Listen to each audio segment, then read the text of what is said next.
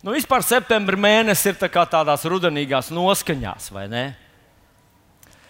Un uh, es, protams, nezinu, kā jūtas kāds cilvēks, kuram ir decembrī dzimšanas diena. Bet es iedomājos, ka kāds, kuram decembrī ir dzimšanas diena, viņam tā garā vasara pilnīgi krīt uz nerviem. Kad ātrāk, ātrāk. Viņš ir sveicis Sašu, Mašu, Annu, Jāni. Nu, visiem kuriem pa ceļam ir bijušas dzimšanas dienas, viņš tā cerība skatās uz decembri, kad nāk mana dzimšanas diena. Halleluja! Un ja vēl apakšs cipars, kam 70, tu jau gaidi, tu gribi, lai nāk. Tā kā, mīļie draugi, neko darīt. Visam tam procesam jāvirzās uz priekšu, jo Dievs neuzlūko cilvēku vaigu. Viņš tieši tāpat mīl tos, kas piedzimst septembrī, decembrī, janvārī, kā tos, kas mēs vasarā esam dzimuši vai ne? Oktobrī. Halleluja, oktobris vēl ir vasara.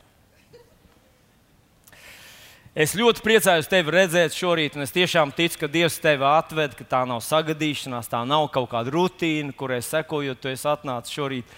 Jo es ticu, ka Dievs grib kaut ko uzrunāt tev, Viņš grib kaut ko tavā dzīvē izmainīt. Viņam tu patīc, bet Viņš grib mainīt tavu dzīvi. Iebiks tam, kurš sēž tev blakus. Šodien laikam tev nāksies pabikstīt mazliet to, kas tev sēž blakus. Ja tu sēdi viens pats un visapkārt trīs metru rādījusā ir brīvs, tad lūdzu pabīdies uz vienu vai uz otru pusi, lai tu varētu kādam iebakstīt. Tev būs tāda īpaša kalpošana šodien bakstīt.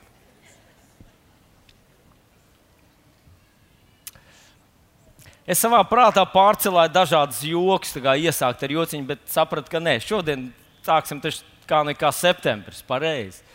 Tas nopietns mēnesis un um, uh, iesāksim ar nopietnu nopietni. Jāņem evanģēlijā 11. nodaļā mēs lasām kādu stāstu, uh, kur darbojušās personas pamatā ir trīs. Tur ir, tur ir uh, Lācars, Marta, Marija un arī Jēzus. Tur spēlē savu lomu. Un tajā ģimenē, kas ir sastāv no divām māsām un brāļiem, brālis, mēs īsti nezinām, to priekšvēsturi, kā tas nonāca tik tālu, ka tur netiek pieminēts ne Lācis ar tēti, ne mamma, tikai divas māsas un brālis. Viņi dzīvo kopā vienā mājā. Nu, toreiz tas bija absolūti parasta lieta. Nu, lūk, tas brālis saslimst. Divas māsas un brālis. Tajā austrumu kultūrā un tajā laikā tas bija, nu, brālis bija vīriešu cilvēks. Tas bija tas, no kā turējās visa, visa nams, jo darbs bija smags. Un viņš saslims tik smagi, ka māsas ir satraukšās par savu brāli. Un viņas, viņi ir Kristus mācekļi, visa šī ģimene, un viņi sūta ziņu Jēzum. Sūta ziņu Jēzum, ka brālis Lācars ir saslims, un tā slimība ir smaga. Viņi sūta ziņu Jēzum. Jēzus atrodas divu dienu gājuma attālumā no tā ciema, kur viņi ir. Tātad šis vēstnesis aiziet divas dienas viņš iet līdzi, viņš sasniedz Jēzu. Un tad es šodien domāju, mīļie draugi, mēs ar jums varam zibenīgi uzrunāt Jēzu. Pilnīgi, nu, kā mēs dziedam kādā dziesmā, viņš ir viens lūkšanas attālumā. Toreiz, kamēr šis vēstnesis aiziet līdz Jēzum, brālis Lācars jau nomirst. Atnāk ziņas pie Jēzus, Viņš teica, divas dienas atpakaļ es atstāju Lācaru, tur bija slims, un māsas sūta pie tevis, jo izskatās, ka tā slimība ir slikta un tā tālāk. Nu, nāc un glāb un palīdzi un pieskaries, jo tu taču esi eh, slimnieku dziedinātājs un tu mīli to Lācaru. Un tad ir tā raksturvietiņa, kur Jēzus atbild. Jēzus dod atbildi šim te, uh, sūtnim, un viņš saka viņam, šī slimība nav uz nāvi bet Dievam par godu, lai Dieva dēls ar to tiktu pagodināts. Es nezinu, ko domājas vēstnesis, tas sūtnis, bet es tā domāju, ja es būtu viņa vietā, es dotos divas dienas līdz Jēzum, un tad viņam stāsta, ka Lācis ir saslims, un tur tie simptomi, nu, tur tās vecākās mūsu um, pieredzējušās dāmas saka, ka tas ir nopietni. Uh, Jēzu! Un Jēzus saka tādu tekstu, šī slimība nav uz nāvi, bet Dievam par godu, un Dieva dēls ar viņu tiks pagodināts ar šo slimību. Es pie sevis domāju, viņš izvesaļosies. Viņš nemirs. Nu, tur kaut kas notiks brīnumains. Un tagad tas vēstnesis tāds, ziniet, priecīgs. viņš saņem pozitīvu atbildi no Jēzus. Viņš nāk mājās. Un viņš atnāk tur Martas mājās un saka, halleluja! Marta, ko tad Jēzus teica? Viņš tāds, nu, nu jūs zināt, ka cilvēks nomirst, tev kaut vai pieklājības pēc tev jābūt tādam. Es vienreiz biju vienās bērēs. Es esmu bijis daudzās bērēs, jā, bet vienās bērēs es biju tādās īpašās bērēs. Un, un, uh, un es paskatījos uz to nu, radinieku, un tas radinieks stāv un tā, nu, nu, kā pieklājīgs bērnu cilvēks, kā pieklājīgs radinieks. Un es pieeju klāt, un es saku, es izsaku līdzjūtību. Un, tā. Un tas cilvēks man saka tādus vārdus: Vilnius, nezinu, kas ar maniem notiek man vajadzētu tagad būt nu, ievainotam un, un mirt, bet man sirdī ir prieks. Es tikai baidos to rādīt uz ārā. Es tādu pašu nopietnu izteiksmu teicu, tā tam ir jābūt. Nerāda nevienam. Izsaka līdzjūtību. Paldies! Nu, paglausties. Atnāk šis te pie māsām. Māsas tādas nebija. Un tagad viņš savu māsu prasa, ko tad Jēzus teica? Un viņš teica, Jēzus teica, ka šī slimība nav uz nāvi. Viņš nemirs. Halleluja! Nu, tā kā mēs ar tevi tādi īsti, īsti vasaras svētki ticīgie. Un māsas uz viņu skatās. Ko jūs domājat to māsu vietā, kad jums atnāk kāds un, un jūs jau esat apglabājuši brāli divas dienas atpakaļ, un atnāk kāds un saka, Halleluja! Dievs uzklausīja mūsu lūgšanu! Nu, mēs domājam, vai nu Jēzus nesaprata, tas vēstnes laikam nebija pareizais džeks, kuru sūtīt tur pareizi? Ko? Vai nu viņš Jēzum neatstāstīja visu to situāciju, cik tā nopietna ir?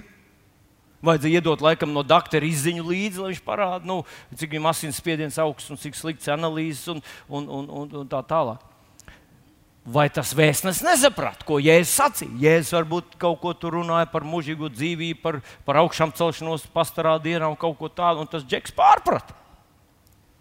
Vai arī? Un es domāju, ka no visiem tiem, kas dzirdēja šo stāstu, šo eh, vēstneša stāstu, tikai viens, viena sieviete viena jauna sieviete, mēs runājam par viņu iepriekšējā svētdienā, Marta, uztvēra tos vārdus kā precīzi, pareizi, kā Jēzus vārdus, kā adekvātu atbildi šajā absolūtās bezcerības situācijā. Un tāpēc vienīgais, kam Jēzus atnākot atpakaļ, kad viņš pēc četrām dienām, Lācis jau ir apglabāts, viņš atnāk Jēzus pēc četrām dienām, kad Lācis jau ir kapā. Un viņš saka, parādiet, kur jūs viņu esat likuši. Bet viņš iepriekš satiek Martu, un tad viņš saka Martai šos te vārdus. Vai es tev nesacīju, ja tu ticēsi, tu redzēsi Dieva godīgi. Tagad ievērojiet uzmanīgi. Es izlaboju šajā tekstā, tur, kur, vai, tur, kur e, uz ekrāna, ja jūs skatāties uz ekrānu, tur ir ierakstīts Dieva godību, bet uh, mūsu revidētajā tekstā ir Dieva spēku, Dieva varenība. Tur bija rakstīts Dieva varenība. Kāpēc Dieva godība es ieliku? Jo es pats paskatījos King James, tur viņš dod šim te Jēzus, dod tādam šim vēstnesim tādu tekstu. Uh, šī slimība nav uz nāvi, bet lai Dieva dēls tiktu pagodināts. Un King James šajā vietiņā, tur, kur Jēzus tagad atnācis pie kapa, saka viņai, vai tad es tev nesacīju, tiek lietots tieši tas pats vārds - pagod. Dieva dēls tiks pagodināts, vai tad es tev nesacīju, ka Dieva dēls tiks pagodināts, ja tu ticēsi. Un šeit viņš saka tieši tos pašus vārdus. Nu, varbūt jūs neiebraucāt, tas kalambūrs tā kā sanāca, bet viņš to, ko viņš sacīs Ziņasim, Diev, Dievdēls tiks pagodināts, to šeit pie kapa viņš saka, tur, ja tu ticēsi, tu redzēsi to godību. Tas, tas tā ir tāds atslēgas vārds, kur gribētu, lai tu patur prātā. Ja tu ticēsi, tu redzēsi. Es uzdrošinos šodien apgalvot, ja Marta nebūtu ticējusi, tur nekas nebūtu noticis. Visi citi nebūtu redzējuši neko. Ja Marta būtu palikusi tā kā tāds normāls, parasts, vidusmēra cilvēciņš, Nu, tas jau nav pa mums, jau tā viss ir nokalēts. Tas galīgi garām. Nu, te, nu, tas kaut kā filozofiski, varbūt tas jāsaprot kaut kā tā, tā pārnestā nozīmē Dievam par godu. Nu, Dievam jau viss par godu, viņš ir tik liels un tā tālāk. Bet, ja es burtiski biju teicis, Dieva dēls šajā vietā tiks pagodināts un atnācis tagad pie tā kapa četras dienas pēc bērēm, viņš saka, Dievs tiks, vai es tev nesacīju to, ka ja tu ticēsi, tu redzēsi Dieva godību. Tu redzēsi, kā Dievs dēls tiks pagodināts. Un Marta ticēja un redzēja. Un es gribu teikt, mīļais draugs, ka tieši tāpat tas darbojas tavā un manā dzīvē. Dievs mums vēlas dot vārdu dažādos veidos. Mums nav jāgaida četras dienas pēc atbildes. Mēs varam to saņemt uzreiz. Mēs varam atbildi saņemt jau iepriekš, pirms tā situācija notiek. Un īstenībā es to savā dzīvē esmu vairāk kārt redzējis, ka Dievs man uzrunā pirms tās situācijas, un es to savelku kopā tikai pēc kāda laika, tā druskuļi nomierinoties un iedziļinoties, ka Dievs jau par to bija teicis. Šodien es par to gribu parunāt. Mīļais draugs, šodien es gribu parādīt pāris konkrētus gadījumus no manas dzīves un no mūsu draudzes vēstures, kad Dievs izteica vārdus, kas šķiet neatbilstoši, ne pat nepareizi. Un tomēr viņi piepildījās tieši tā, kā Dievs to teica, jo kāds tiem vārdiem noticēja. Un tas pirmais stāsts vai pirmais piemērs ir par to, kā Vilnis kādreiz kļuva par mācītāju. Tas notika 1991. gadā, 31. martā. Uh, Vilnis Gleške, tas, kurš šobrīd stāv šeit uz platformas un cenšas pievērst tavu uzmanību, tika ordinēts par mācītāju. Kas viņš bija līdz tam? Līdz tam viņš bija viss, ko vien vajadzēja draudzē darīt. Viņš bija skaņu vīrs, viņš bija kārtībnieks, viņš bija noliktavs pārziņš, viņš vadīja slavēšanu, kādreiz vadīja jauniešu dievkalpojumus, kad mācītājs aizbrauca atvaļinājumā.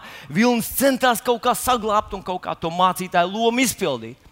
Tad mācītājs Arnēs Sīls sacīja, ka Dievs liek, viņš lietoja tādu stipru vārdu, liek ordinēt vilni, atstāt vilni savā vietā par mācītāju tieši iepriekšējā dienā, vai, vai varbūt dažas dienas pirms tam, Dievs man rādīja tādu pravietisku sapni, un tajā pravietiskajā sapnī es redzēju sevi, ka es sēžu pie auto stūres, un man blakus sēž mans tēvs. Un es toreiz stāstu savam tēvam šo sapni. Es viņam saku, tēti, es nezinu, ko tas nozīmē. Izskatās, ka man būs jāvada. Nu, vai tas varētu būt, ka man būs jāvada draugs? Mans tēvs man toreiz teica, redzi, lieliem priekšnieki parasti sēž blakus. Un šoferis stūrē to auto. Tā kā viņš saka, varbūt man būs jāvada. Tā tas toreiz bija. Paklausieties, 31. marta dievkalpojumā, 91. gadā, mācītājs Arnēs Sīls pasauc man draugu priekšā, uzdāvināja man, biezu, sarkanu, krievu valodā Bībeli un teica, ka Dievs man liek tevi atstāt par mācītāju, prieka vēstī. Viņš uzlika man savus rokas, viņš teica, lūkšanu. Tur nebija daudz, daudz eh, nekādu tādu padomu. Vienīgi pēc dievkalpojuma, eh, jūs zināt, es jutos tā, tā kā manā dzīvē kaut kas notiek beidzot. Mācītājs uzliek rokas no šīs, es tev atdodu pilnvaru. Es neatceros to lūkšanas vārdu, bet viņš teica visu kaut ko tur. Tas kā laulībās, visu, ko tu zini, tu saki tur. Nu, nodod visu. Pēc tam, pēc dievkalpojuma, viņš man klusi pienāca klāt un viņš teica, tā, Vilni, zini, kas tev ir, vēl ir? Es saku, nu, tev ir apustuliskā sukcesija. Toreiz es īsti nezināju, kas tas ir. Sukcesija. Es saku, kas man ir? Tev ir apustuliskā sukcesija.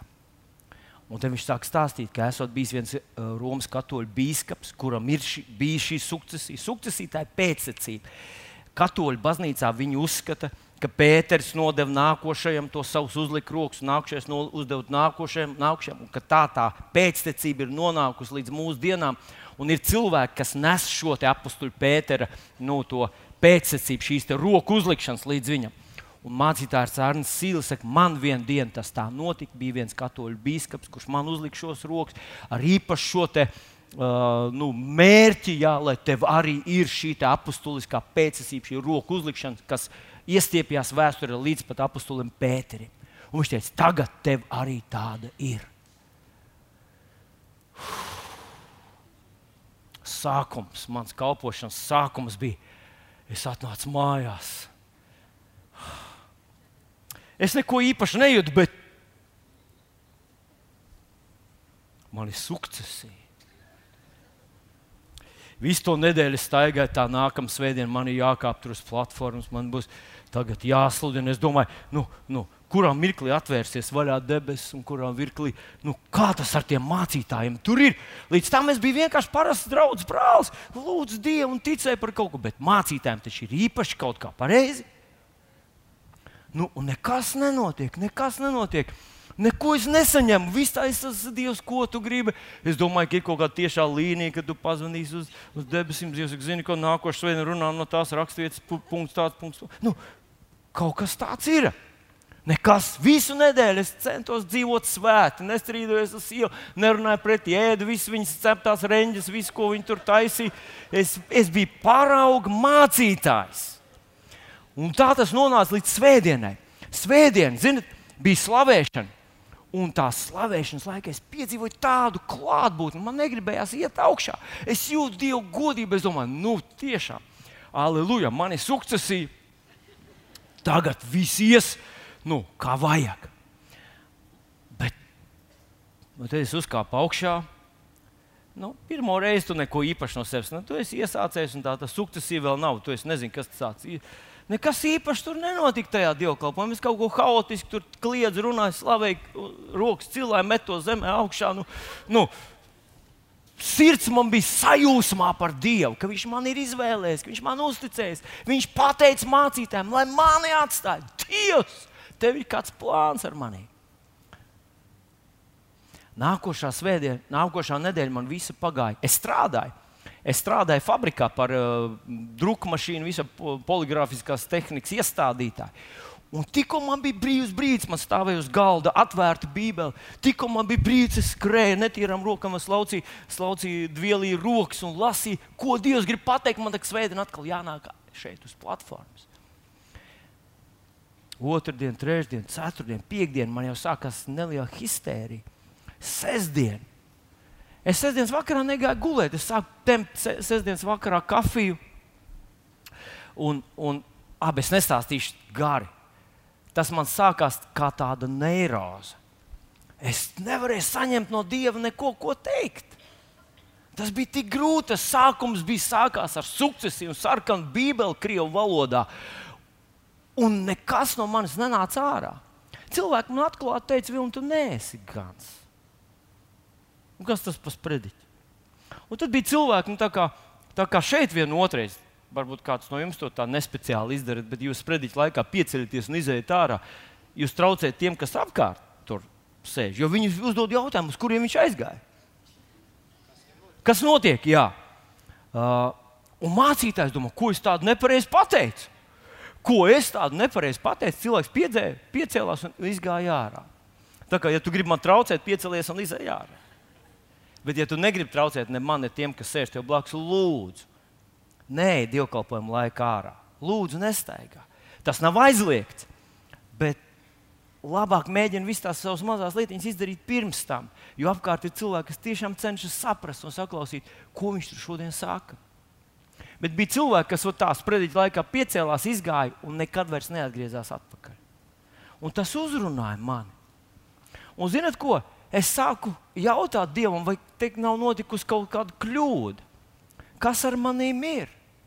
Pēc savas dabas es nebiju cilvēks, kuram patīk tusēt ar citiem cilvēkiem. Vairāk patīk būt vienam. Man sapņu profesija, jau jūs jau zinat, bija mežsargs.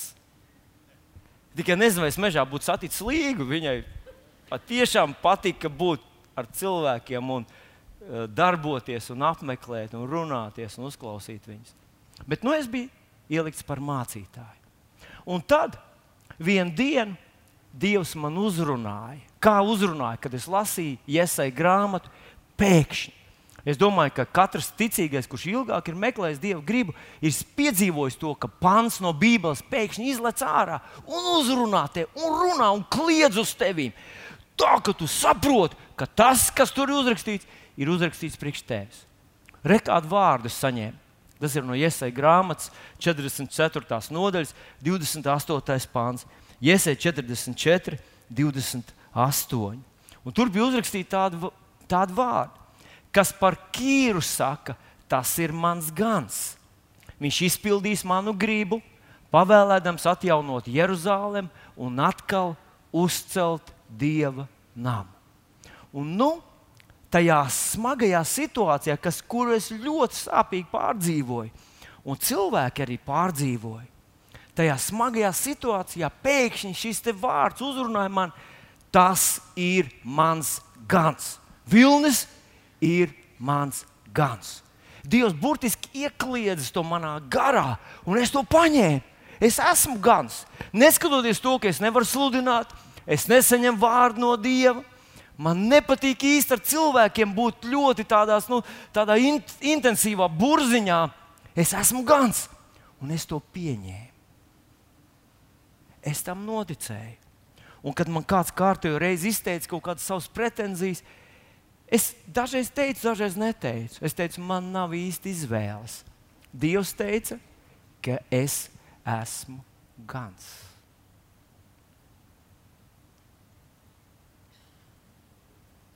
No šīs rakstu vietas es sapratu trīs lietas, kuras uh, tādā dažādās laikos un dažādā secībā atnāca līdz manis vēlāk.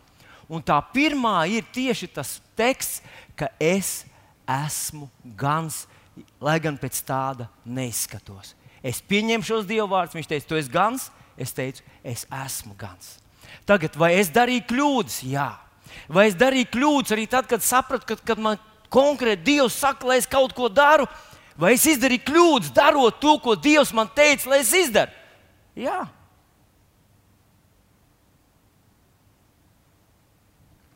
Jūs droši vien visi atceraties, kas rakstīts 1. Jāņa vēstulē, 1. nodaļā, 8. pantā. Bet, ja mēs dzīvojam gaismā, kā Viņš ir gaismā, tad mums ir sadraudzība savā starpā, un Viņa dēla Jēzus Kristus asins mūs šķīsta no visas netaisnības. Tagad skaties, ja mēs dzīvojam gaismā, kā viņš ir gaismā, mums ir sadraudzība savā starpā. Un, un tālāk tur tas tekstīns, kas ir rakstīts, viņa dēla Jēzus Kristus asins šķīsta mūs. Tur tas šķīsta ir lietots tādā izteiksmē, ka viņi to dara aktīvi un visu laiku.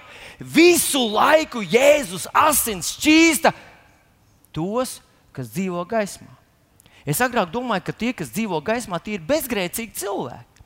Bet īstenībā neviens no mums, dzīvojot šeit, miesā, mēs nesasniegsim tādu stāvokli, lai mēs nepiedarītu kļūdas, nepielaistu visādus kaut kādus misēkļus, lai mēs pēc definīcijas dzīvojot nepilnīgā miesā, kļūtu pilnīgi. Tas ir gandrīz neiespējams. Tāpēc dzīvojot gaismā, un dzīvot gaismā nozīmē, viena no nozīmēm noteikti tam ir paļauties uz Dieva vārdu. Jo Dieva vārds ir spīdeklis uz maniem ceļiem, vai ne? Tā kā dzīvojot gaismā, uzticoties Dievam, ka es esmu savā vietā, es esmu tas, par ko Viņš man ir nosaucis, manas kļūdas. Jēzus aktīvi šķīstīja un dzēsa, šķīstīja un dzēsa. Un tieši to pašu viņš dara ar tevi, mīļais draugs. Tu varbūt domā, ka tu esi milzīgi pilnīgs. Ko?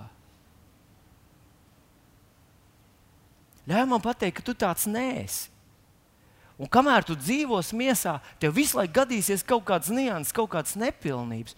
Un dažreiz to tu pats nemaz neredzi, bet to tie, kas tev blakus dzīvo, viņi visvairāk sajūt, ka tu taču tu, tu neesi pilnīgs. Un viens un otrs no cilvēkiem to man ir teikuši, Vilni, tu taču. Tu, tu, tu, tev ir tik daudz kļūdu.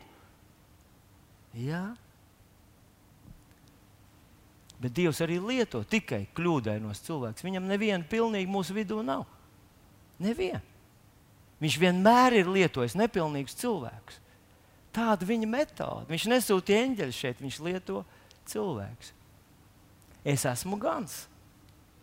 Tagad, 28 gadus vēlāk, skaties, prieka vēsts ir izveidojusies par draugu.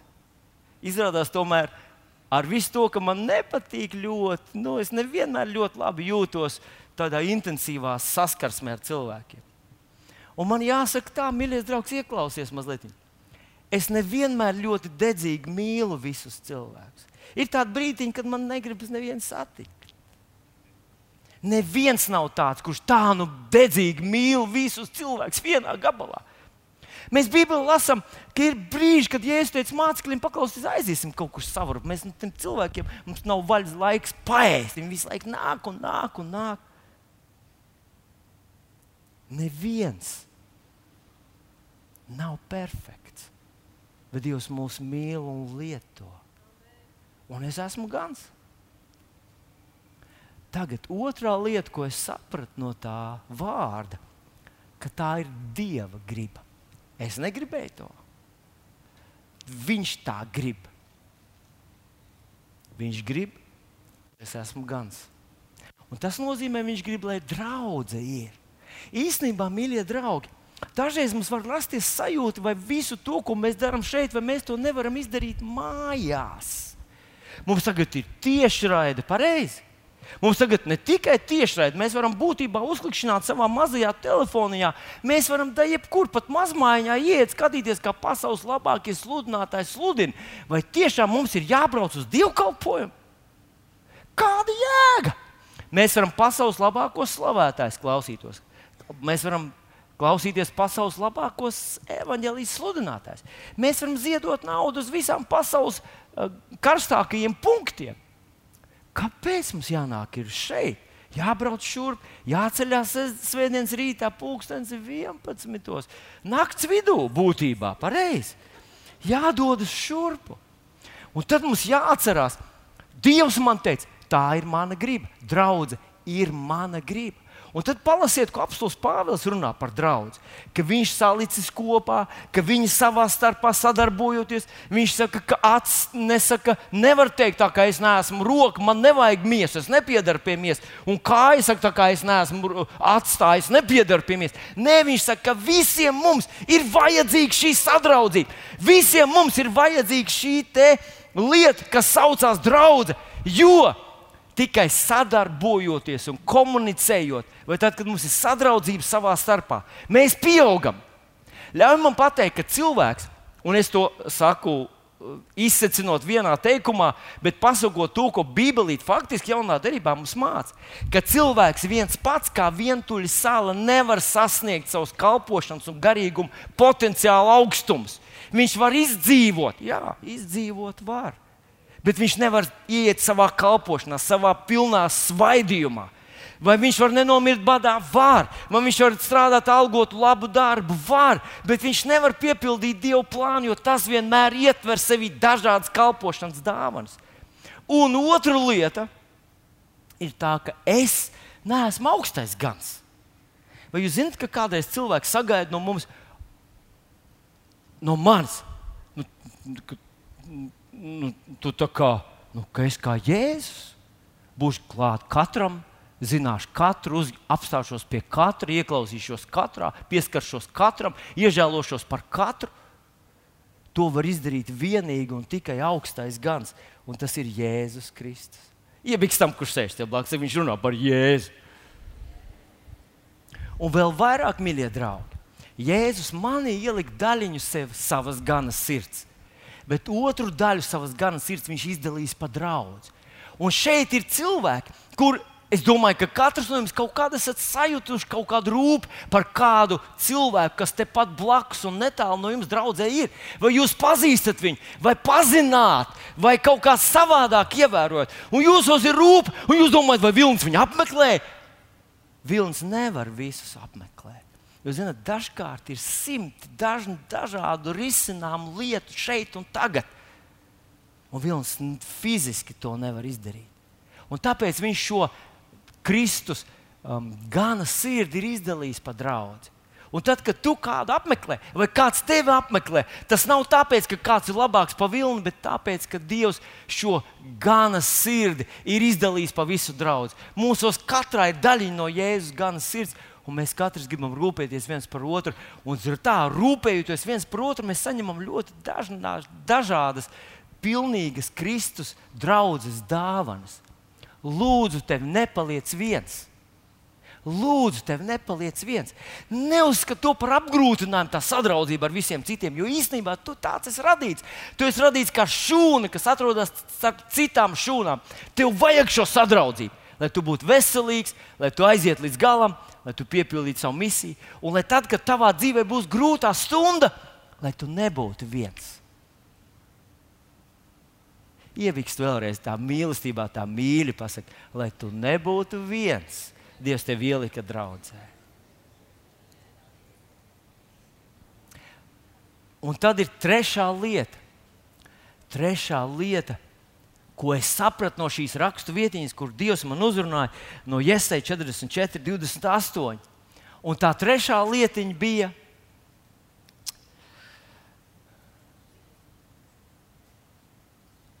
Tūlītās mēs viņu atradīsim.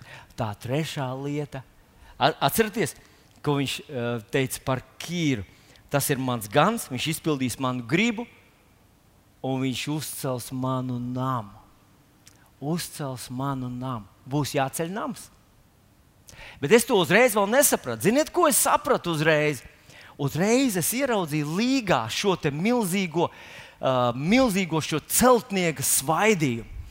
Ne jau, ne jau būtībā krāpēt ķieģeļus un domāt par reālo celtniecību, bet viņi sāka celt dažādas lietas, kuras mēs nemaz neredzējām un nezinājām, ka tādas ir vajadzīgas. Vēl kad mēs vēl bijām Baptistu draugā, bet mēs jau piedalījāmies kalpošanā, Līga norganizēja kaut ko tādu, kas līdz tam Baptistu draugā vispār nebija. Mums bija tāda Bībeles pamatu skola. Tajā laikā, lai iestātos draudzē, vai lai, kad tu nonāci draudzē, tevi nokristīja, un tad te teica, ja tu biji tāds aktīvs cilvēks, tad teici, nāc korī vai sēdi draudzē. Nāc korī vai sēdi. Tas bija viss. Tu biji nokristīts, tā ziņā, ka tu tā esi glābts, un viss, un tagad sēdi līdz mūža galam draudzē.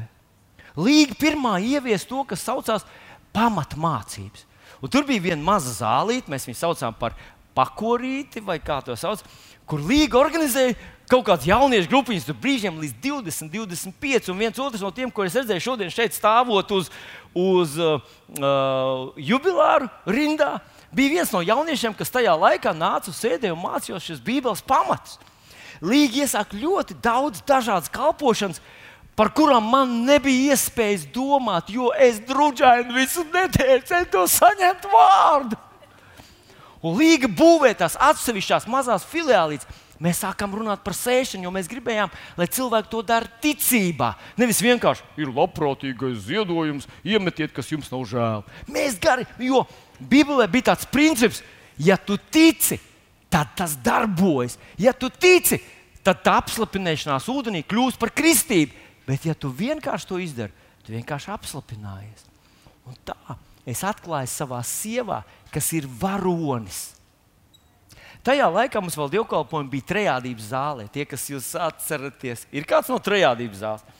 Mēs viņu saucam par Gorohovets ielu. Vēlāk viņi pārdēvēja par trejādības zāli. Un tie, kas lasat jaunākos tulkojumus, to sauc par trīsvienību. Trīsvienība mūsdienu valodā pēkšņi sākuši saukt par trejādību. Man tas neskan pareizi manām ausīm. Bet nu, šodien to ielu sauc par trejādības ielu, un tur mums bija dievkalpojumi. Jūs saprotat, pirms dievkalpojuma pusstundu bija lūkšanas, es tās braucu vadīt. Es biju mācītājs, man bija trīs bērni, viens bija tikko piedzimis. Dāvids bija tikko piedzimis uz rokas. Meitiņai bija drusku vairāk kā gadu pareizlīga. Līga palīdz man ne, ne, neatslēdzies. Un, un Valters jau steberēja druskuļi līdzi. Tagad es aizbraucu agri no rīta jau uz turieni, uz trejādības ielu. Līga kā varonis bērnu, bērns ratos, otrs uz rokas un trešais stebrē pie ratiem līdzi. Viņi atkūlās no purvciem uz trejādības ielu, tas tur, kur tagad ir Radisons, sas, tur pārdauga, pārdaugavā. Atbrauc ar sabiedrisko transportu. Piebrauc pie trolēļus, palūdzu, vai jūs varētu palīdzēt, vai jūs varētu man palīdzēt iekulties iekšā. Nu, iekulties, ne, bet viņi teica, um, um, iekāpt, pa, pa, palīdzēsiet iekāpt. Mūsdienu māmiņas laikam domā, ka tas ir vispār neiespējami. Un tāpēc tam es pieskatīju bērnus, un viņi novadīja kaut kādu jaunu kristiešu nodarbības un tā tālāk. Un es, protams, nemāku noskaidrot visas tās lietas, kuras Līga darīja, un kuras mēs iesākām vienkārši intuitīvi sadzirdot to no Dieva. Iesākām, kurš šodien darbojas mūsu draudzē un darbojas daudzās draudzēs. Jau ko cilvēki ir vienkārši pārņēmuši. Bet ko es ar to gribu teikt? Ar to es gribu teikt, ka Dievs deva vārdu, kurš nemaz neizskatījās. Tātad vilnis ir gans, viņš neizskatījās pēc gana. Viņš izdarīs manu gribu, izskatījās, ka vilnis visu salaidīs grīstē un nekas nenotiks. Jo tiešām viens mirklis izskatījās, ka priekvēs nomirs pati savā dabīgā nāvē. Un mūsu dēliņš, kas tas bija, kuram bija kleps Dāvids? Dāvidam. Jā, es ne, nestāstīšu visu to garo stāstu. es jau esmu uh, iztērējis daudz vārdus, bet mēs uzticējāmies vārdam, izrādījās, ka tā ir. Pienāca diena, kad mēs sapratām, ka būs jāceļ nams. Vēl viena raksturvieta, ko Dievs mums deva, un tā ir no turpat Iesaija grāmatā, Iesaija grāmatā, nākošā 45. nodaļa. Tūlītās mēs viņu atradīsim. Iesaija 45. Tev, tev jāpaklausās. Tas vārds turpinājās. 45. nodaļā, 2. pāns, un es mēģināšu īsi paklausīties. Es iešu tavā priekšā, līdzināšu nelīdzinās tekas, es satriekšu vara durvis un salauzīšu dzelzs aizšaujamos. Es nodošu tev tumsā paglabātās mantas un paslēptos dārgumus, lai tu atzīsti, ka es esmu tas kungs, Izraēla Dievs, kas tevi saucis tavā vārdā. Tas bija tas viss, tā visa pakete tajā reizē, kad Dievs man uzrunāja par to, ka esmu gans, viņš man iedeva visu to kopā. Un šis bija tas, es domāju, nu, tas tā kā tāda baigai cīņai, man būs jāiziet cauri. Bet, kad mēs jau ilgāku laiku bijām draugi, tepat Vēja kultūras pilī, tad vienā dienā kopā ar Jānu Pļaviņu mēs atnācām līdz šejienei. Viņš man teica, tur apakšā ir baigi pamati, ko Vēfs grasījās būvēt. Un tur mēs varētu uzbūvēt traucinājumu. Pēc tam mēs ar manu tēvu, viņš tagad jau ir mūžībā, labu laiku, bija, man bija ļoti labs tēvs. Mēs atnācām šurp un izlīdām cauri pa caurumu žogā un nokāpām lejā, tur pamatstāvā. Tur bija ūdens, ziema bija, bija sasalis, uh, ledus kārta. Mēs no sākuma no trepēm uzkāpām uz tā ledu, un pa to ledu mēs tagad ejam pa tiem kazemātiem, kas tur apakšā, kurus mēs pazīstam kā svētdienas skolas telpas, kā kafejnīca kā uh, sieviešu toalet, vīriešu toalet. Mēs te pa tumsu ejam tur ar tādām baterijām, pa ledu. Un mums abiem ir uh, gumijnieki. Un pēkšņi man vienā vietā, mans tēvs bija drusku smagāks par manis, tas ledus ielūst. Un tad viņš ar to ledus tādu nelielu postiņu uh, grimst. Un es saku, tēti, tēti, lec nost! Un viņš saka, cik tas te var būt dziļš? Un tētis grimst, un tas ūdens tādā ceļās, ceļās, ceļās, ceļās, hops pāriet pāri viņa zābakiem. Tā, ja jūs esat kādreiz vannā izrausis korķīšu, es redzēju, kā un tā viņam abos zābakus uzreiz viņš tur leca nost un uzleca uz, uz tādu biezāku ledus gabalu. Mēs iztaigājām visus šos kazemātus, likās viņi neiespējami, likās viņi ir bezgalīgi. Likās, un tad mēs uzzinājām, ka te ir patvērsme priekš 1200 cilvēkiem atomkara gadījumā ar Amerikas šie šausmu raķetes. Mēs paslēpsimies tur lejā. VFA visa vadība, partijas vadība, viss tur paslēpsies. Nu, lūk, mēs izlēmām, ka šeit varētu uzbūvēt namu. Mēs sākam, jūs jau zinat, visu to stāstu. Es nestāstīšu viņu no sākuma. Bet vienā no tādām tikšanās reizēm ar vienu no vadošiem darbiniekiem VFA, un tie bija ļoti augsts kvalitātes kvalifikācijas vadītāji, bija Edvīns Laucis, bija VF direktors, galvenais tehnologs, tur galvenais kaut kāds tur vēl bija vecis. Bet viens bija tāds rudiem matiem, tādām apaļām brillītēm vīrs. Ar kur likās, ka viņš tā tāds ļoti atvērts. Un vienā reizē, kad mēs ar viņu šeit bijām, paklausties, mēs jau bijām izlēmuši, ka mēs pērkam. Kad es nonācu šeit zemē ar tēti, mēs ieraudzījām dzelzceļa durvis ar milzīgiem aizbīdņiem, nu, tā kā, tā kā patversmēs. Ja? Un, un, un man sasaucās šī raksturvietiņa es tev došu uh, dzelzceļa aizšaujamos, nodošu tev, tumsā paglabās. Tur bija absolūti melna piķa, tums. Mēs staigājam pa turieni, pa to ūdeni, un mēs sakām, jā, tas ir, tas ir. Mēs to gribam. Mēs uzzinājām, kur var piedalīties izsolē un tā tālāk. Bet vienā, vienā tikšanās reizē tas rudiem matiem, tas puisis man saka, tā. Bija arī citi, kas gribēja šos pamatus nopirkt. Bet viņi visi konstatēja, ka acīm redzot, tie hidroizolācija šajā pam, nu, pagrabstāvā ir beigta. Te, tāpēc te ir tas ūdens, jo no atmosfēras tik daudz satekēt nevarēja. Tā kā šeit vienmēr būs ūdens. Es jau saņēmu vārdu, ka tur tumsā tas ir mums, dzelzceļa aizšaujami, tas ir mums, jāceļ, tas ir mums. Un pēkšņi šis vīrs izsaka šos vārdus, kad mēs divi ar viņu runājam. Viņš pasaka tos man, ka šeit vienmēr būs ūdens. Labākais, ko var izdarīt, ir iegāzt visu to iekšā, aizbērt cietu apakšu. Ko jūs darītu tādā situācijā?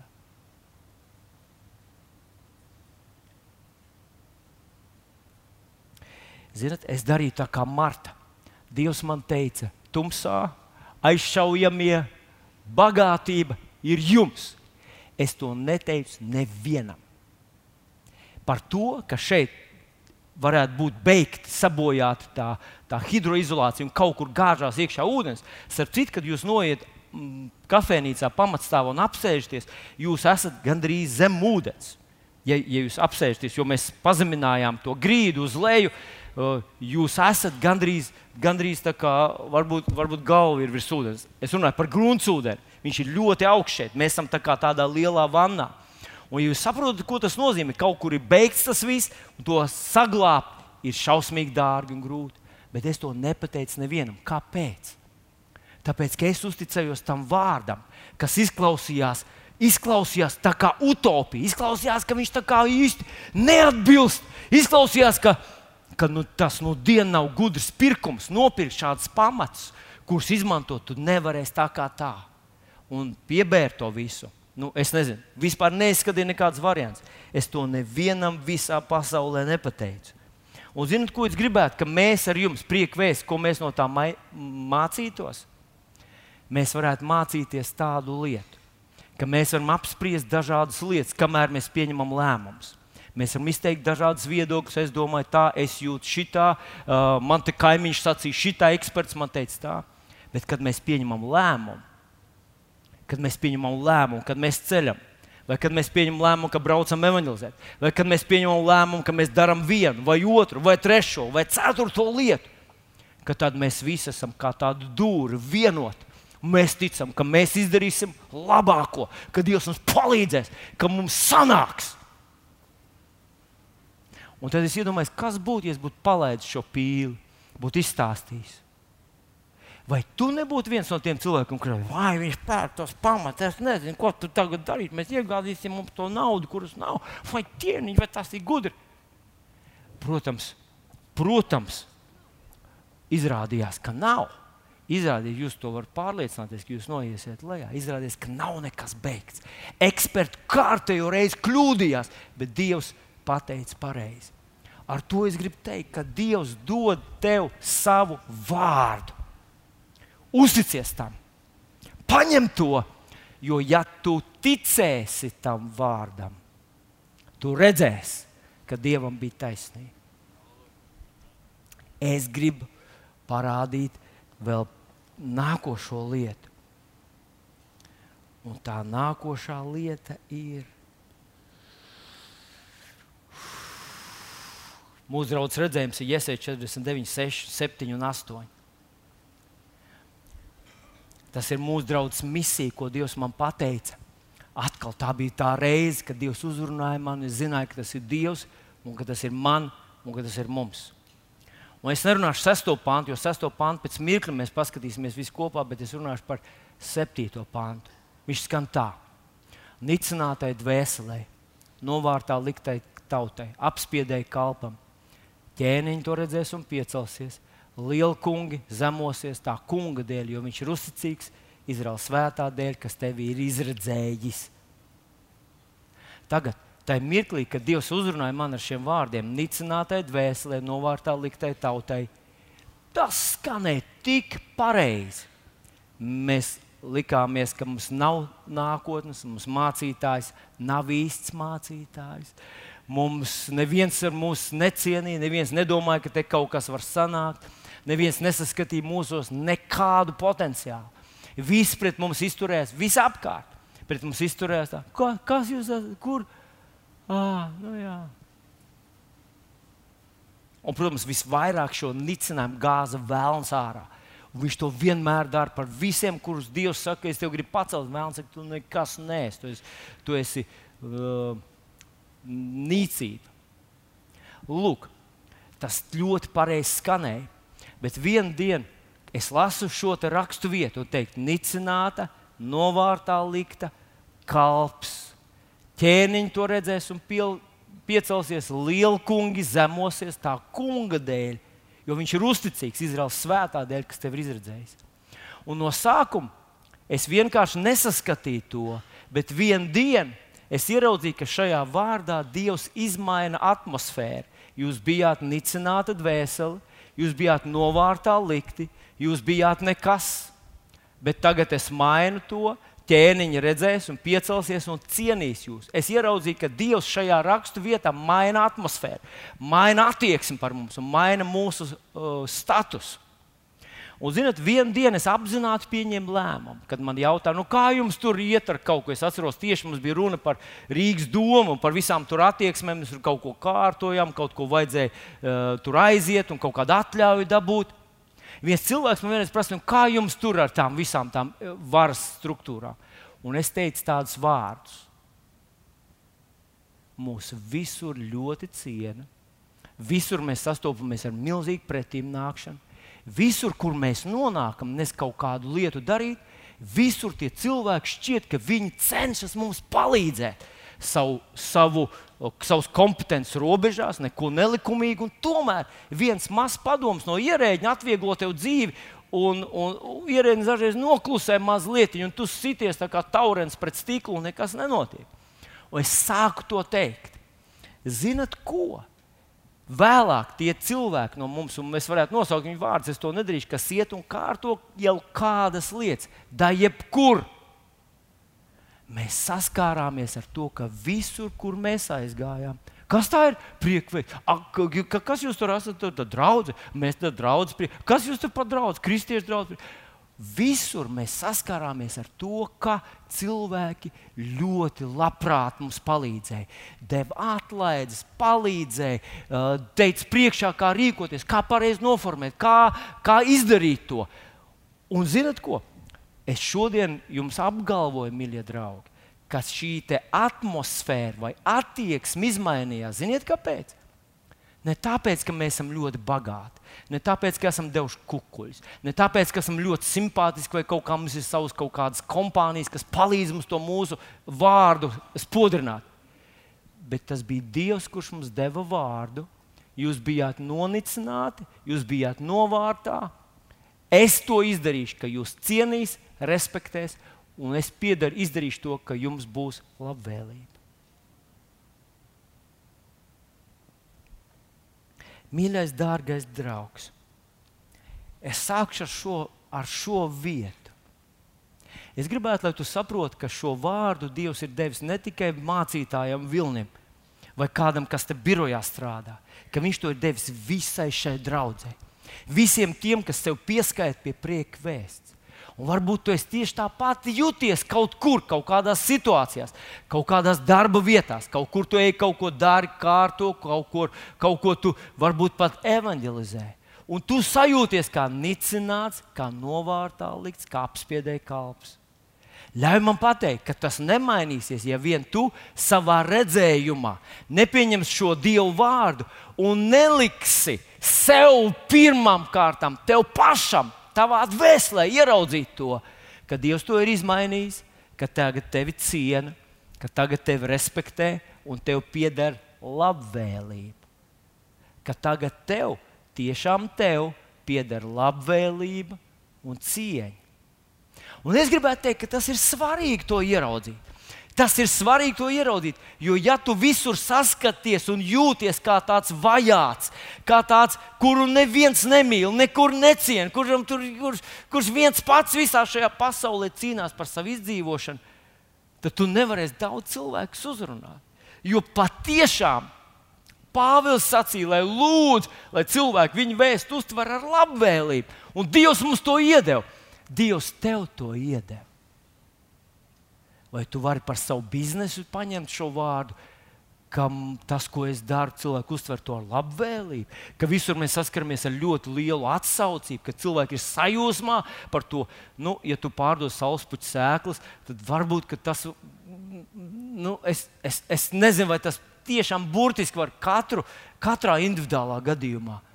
Bet, ja tu tiešām no sirds dari kaut ko, ko cilvēkiem vajag, un tu gribi viņam palīdzēt, un tādā veidā tu uh, nopelni arī sev savai dzīvei, tad tu droši vari paņemt šo pantu, ka Dievs ir izmainījis to situāciju.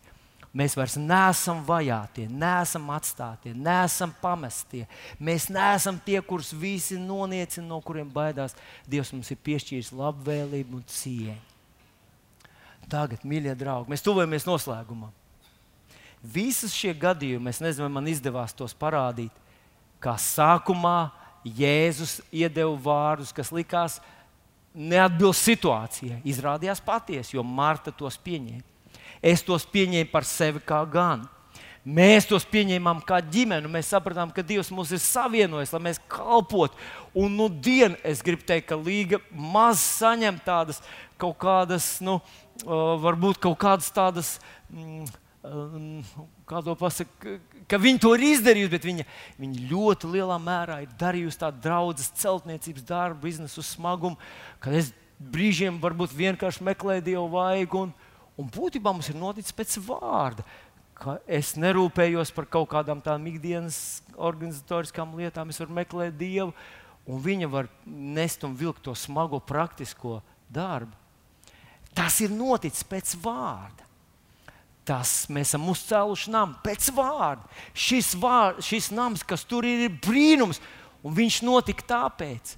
Viņš mums izdevās to izdarīt, tāpēc, ka mēs ar tevi uzticējāmies vārdam un uz šī vārda pamata rīkojāmies. Un tas vārds atraisīja Dieva spēku, lai tas piepildītos. Ļauj man pateikt, ka es šodien vēlētos no visas sirds, lai šo principu tu paņem no šejienes un aiznes savā dzīvē. Aiznes pie saviem mīļajiem un tuviniekiem. Un nejusties vairs, ka tu esi tas viens. Um, tas baltais zvirbulis savu radinieku vidū, kurš vienmēr par jēzu, kuram ir tām, kur, kur, kuru tur visu aprunājas muguras, izdzēs šo priekšstatu par sevi un paņem par sevi kā patiešām dieva apustuli tur, kā dieva gaismas, spēka, mīlestības un svētības nesēji. Un ieraudzīt sevi, ka Dievs ir izmainījis šo attieksmi pret tevi ja tu to ieraudzīsi savā sirdī, tu ieraudzīsi to ar savām acīm. Un mums to vajag tāpēc, ka mēs gribam palīdzēt mūsu tuviniekiem, mūsu ģimenei, mūsu asins radiem. Mēs gribam nevis savaņģot viņus un iedabūt savā draudzē. Tas nav pats svarīgi. Svarīgi būtu, ka viņi saprot tos Bībeles pamatus, saprot Dieva vārda pamatus. Un tad viņi var, var izlemt, vai viņi paliek vai nepaliek draudzē. Jo būtībā šeit neviens mēs neesam uz visiem laikiem. Tikai kādi ir ilgāku laiku, un tad viņi aiziet varbūt mūžībā, kādi kalpo šeit no jaunības, bet agrāk vai vēlāk mēs visi no šejienes aiziesim. Arī vienā dienā manis te vairs nebūs. Tas nav uzdevums, nav kādu pieķēdēt, lai viņš sēž baznīcas solā. Mūsu uzdevums ir, lai cilvēks pieņem Jēzu un sāk izprast Kristus nopelnu, cik ļoti tūs un pieejams viņš ir katram. Un tāpēc Dievs ir aizsūtījis tevi tur, kur tu esi. Tā ir tavā vidē, tavā darbvietā, tavu radu pulkā, tavu piederīgo pulkā, tavu draugu pulkā. Tur ir tā īstenā vieta, par kur viņš teica, tu esi mans gans, tu izpildīsi manu gribu, tu uzcelsi. Tu uzcelsi. Vai tu vari ieraudzīt sevi kā tādu dievu izredzētu Kaut arī tev liekas brīžiem, ka varbūt tu neesi īsti adekvāts tai lomai, bet tu paņem to, ka tu tas esi un ka tu to izdarīsi un ka tu aiznesīsi to līdz cilvēkiem. Viņi to uztvers. Un ir tā, tas pēdējais, sastais pāns. Sastais pāns skan, uh, tas ir par maz, ka tu esi mans kalps, lai atvestu atpakaļ izglābtos Izraēlu bērnus. Es tevi padaru par gaismas nesēju, pestīšanas nesēju līdz pasaules galam. Tu nenes uh, kaut kādu stāstu, tu nenes reliģiju, tu nes atbildi. Vai tu vari ieraudzīt sevi kā cilvēku, kā mācekli, Kristus mācekli? Dievs mums ielika šajā gadā tos trīs M, ka tu esi tas, kurš mīl cilvēku un mīl Dievu. Pat ja tu to nejūti vienmēr, Pat ja tev nav tā, ka tu visu laiku kūsti aiz mīlestības, bet tā ik pa laikam tevi atklājās. Tu esi tas, kurš mīl Dievu un mīl cilvēku. Tu esi tas, kurš esi viņa māceklis. Un Matei 10, Matei 10 viens sākās ar vārdiem un pieaicināja savus 12 mācekļus. Viņš tiem deva varu par nešķīstiem gariem tos izdzīt un dziedināt visas sērgas un slimības tautu. Tu tas esi. un tev ir tā misija aiznest pestīšanu. Ja kāds no taviem radiem ir slims, tu vari lūgt par to. Tu vari uzlikt savus rokas, un tev nav nemaz jābaidās. Vai notiks, nenotiks, kas notiks. Atrojas visu savu lietu, visu savu ticību, kas tev ir. Tas ir spēcīgākais, ko tu vari izdarīt. Nevis zudīties kā līnijas, zudīties, vai lūdzu, vai kaut kas notika, vai kaut kas nenotika. Labākais, ko tu vari izdarīt, lieto visu savu maksimālo ticību, kas tev ir pieejama tieši tagad un šeit. Uzlies tam uz to, runā ticības vārdus. Runā tos pat, ja tie izklausās pēc kaut kādiem tur kā utopijas. Izdara savu kalpošanu līdz galam. Tā ir kalpošana. Kādreiz tas ir atkarīgs no tā cilvēka, kādreiz kāds nepieņem. Jēzus, jūs aiziet tur, runājat, miers šim namam, un ja tur ir kāds mieru bērns, jūsu miers, kur tu atraisīji vienkārši izrunājot vārdus, nolaidīsies tā cilvēka. Kādreiz nenolaižas, bet tā nav tava vaina. Tas nav tāpēc, ka tev nav kaut kas, ka tev nav viedots kaut kas, tu neesi adekvāts, tu neesi e, kompetents. Tā nav taisnība. Mīļie draugi, brāļi māsas, es nezinu, kā lai es nobeidzu. Bet man gribas teikt, ka šodien Dievs mums iedevis savu varano vārdu. Paņemsim viņu, paņem tu, tu paņem. Tavā, tajā vietā, kur tu esi. Sajūties tur tā, kā tu būtu manā vietā. Ka tu esi tas gans, kurš tur ir aizsūtīts ka Dievs grib, lai tu to izdari. Dievs ir ar tevi, palīdzēs tev, tev palīdzēs un pagodinās tevi, jo Viņš ir tevi izredzējis. Un mēs aiznesīsim pestīšanu.